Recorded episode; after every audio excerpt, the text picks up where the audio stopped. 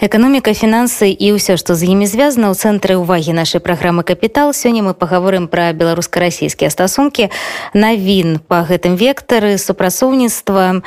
Не тое каб было багата за той якія. Сёння высветлілася што Беларусь будзе будаваць свой порт у рассіі увогуле Александр лукашенко паехаў да Пуціна вырашаць збольшага военно-тэхнічнае пытанне але пад шумок чаму б не папрасіце порт у рассіі з'явіцца такі порт под санкт-петербургам а і як сёння было заявлена праз год-два будзе перавальваць мільённы тонн грузаў про гэта александр лукашенко якраз заявіў пасля сустрэчы з владимиром путиным дык навошта беларусі порт справа ў тым что адзін у яе ўжо быў дакладней не порт а частка тэрміналу партовага у клайпедзе для перавалки угнаення ў Беларусь калі а пасля таго як літва забараніла транзіт па сваёй тэрыторыі прадукцыі Беларусь калі беларускіх угнаенняў клайпеда праз якую ішла перавалка калі стала недаступнай перамовы з Латвіяй плёну таксама не далі. Ну а пасля яшчэ удар нанесла украінская чыгунка якая 16 лютага ўвяла абмежаванні на транзіт беларускіх калійных угнаенняў па тэрыторыі Украіны у страны у краіны СНД і Балтыі. Нягледзячы на заявы беларускіх чыноўнікаў, якія вось пасля ўсіх абмежаванняў абяцалі, што забарона праз краіны ЕС ніяк не паўплывае на работу Беларусь калія. А нагадаю, кіраўнік беларускага ўрада Раман Галучынка заяўляў, што Беларусь загадзя падрыхтавалася да гэтай сітуацыі, што калі літва перакрые транзіт, ён будзе пераарыентаваны на рассію. Так вось высветлілася, што праблема з транзітам усё ж такі ёсць зараз зараз яе трэба вырашаць. Ну праз год-два яе можа і вырашыць гэты порт у санкт-петербургу. А што будзе рабіць зараз Беларусь со сваім каліем які просто ёсць ёсць на яго пакупнікі але просто з лагістыкай праблемы даставіць гэты калій да спажыўцоў немагчыма.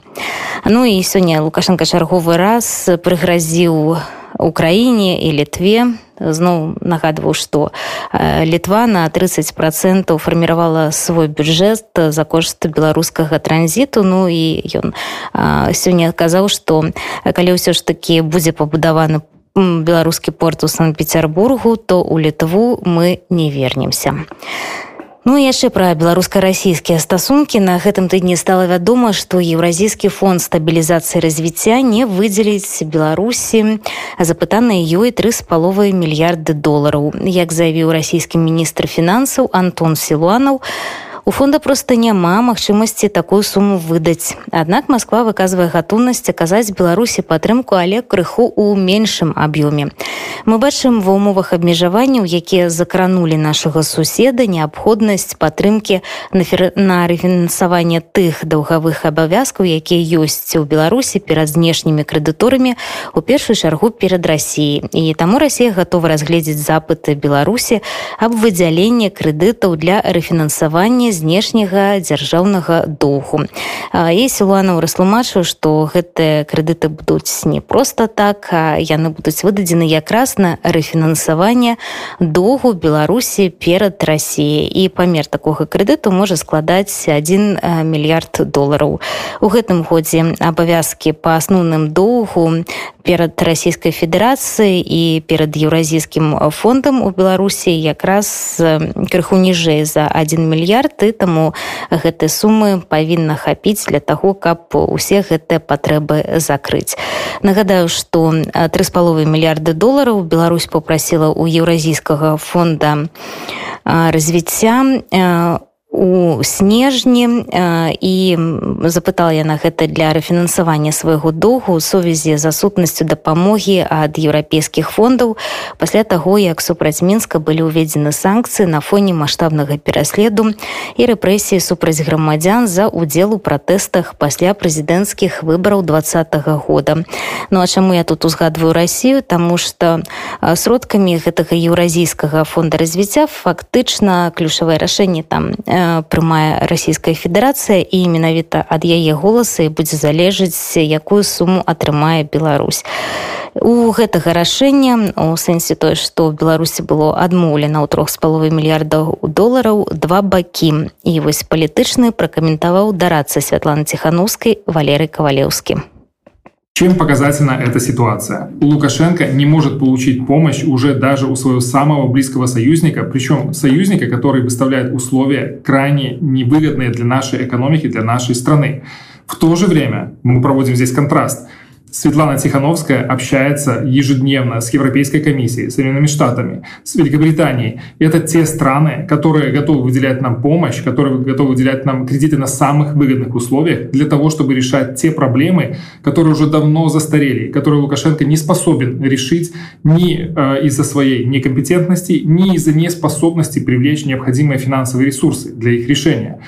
И именно это является главным вердиктом его правлению. Лукашенко никому не нужен, он нигде не способен найти ту помощь, которая нам нужна сейчас больше, чем когда бы то ни было. 3 миллиарда евро, которые обещала Европейская комиссия Демократической Беларуси, это только начало. Мы уверены в том, что мы сможем привлечь гораздо больше средств для того, чтобы решить все проблемы, которые стоят, стоят перед нашей страной. Те белорусы, которые думают, что именно Лукашенко является гарантом белорусской стабильности и что он сможет разрешить все наши проблемы, должны знать, решение не в нем. Лукашенко — это наша проблема. Лукашенко несет ответственность за тот кризис, который продолжается у нас уже полтора года, и Лукашенко не в состоянии решить те проблемы, которые стоят перед нашай страной.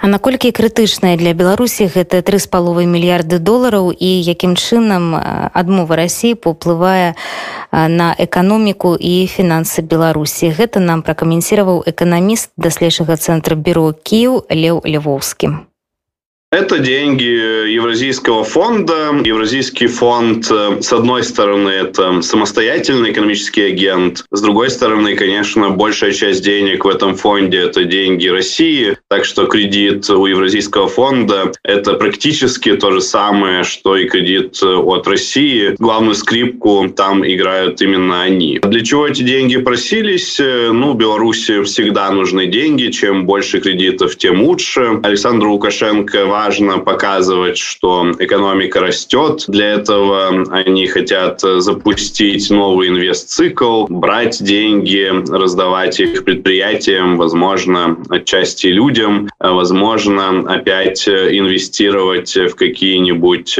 супер-мега-проекты типа картона или других идей, которые иногда возникают в голове правительства Беларуси. Что означает, что, с одной стороны, Беларусь просила 3,5 миллиарда, с другой стороны не дали. Со стороны Беларуси это абсолютно нормальная логика. Надо просить по максимуму, а там уже что дадут. Со стороны России, Россия э, в целом с начала политического кризиса не меняет своих позиций. Они показывают, что они не собираются кормить белорусский режим просто так э, и выдавать все возможные кредиты. Тем не менее, время от времени они дают нам там по полмиллиарда, по миллиарду и так далее. То, что называется на поддержание штанов, э, на то, чтобы Беларусь могла э, хотя бы спокойно расплачиваться по текущему государственному долгу, в том числе и перед российскими контрагентами.